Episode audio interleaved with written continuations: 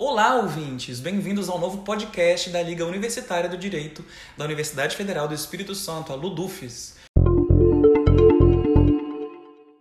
Nesse piloto, a gente vai falar um pouco sobre o nosso projeto em si, expondo cada grupo de trabalho e explicando a dinâmica.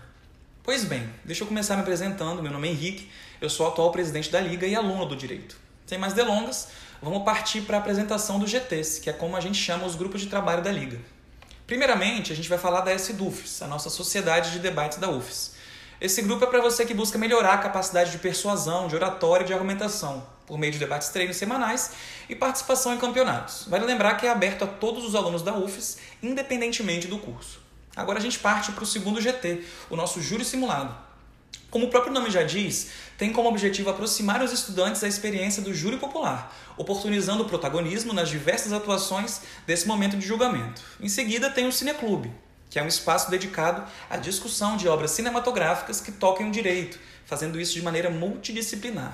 Por fim, tem a Sinufes, que é a nossa simulação estilo ONU. Nela, os estudantes representam os interesses de cada nação mediante debate moderado acerca de alguma agenda pré-definida. E aí, se interessou? Segue a gente no Instagram, lud.ufes. Lá você pode se inteirar das atualizações, dos eventos e também tirar dúvidas sobre o projeto. Ah, e não deixe de acompanhar nosso LudoCast. E aí, vamos juntos?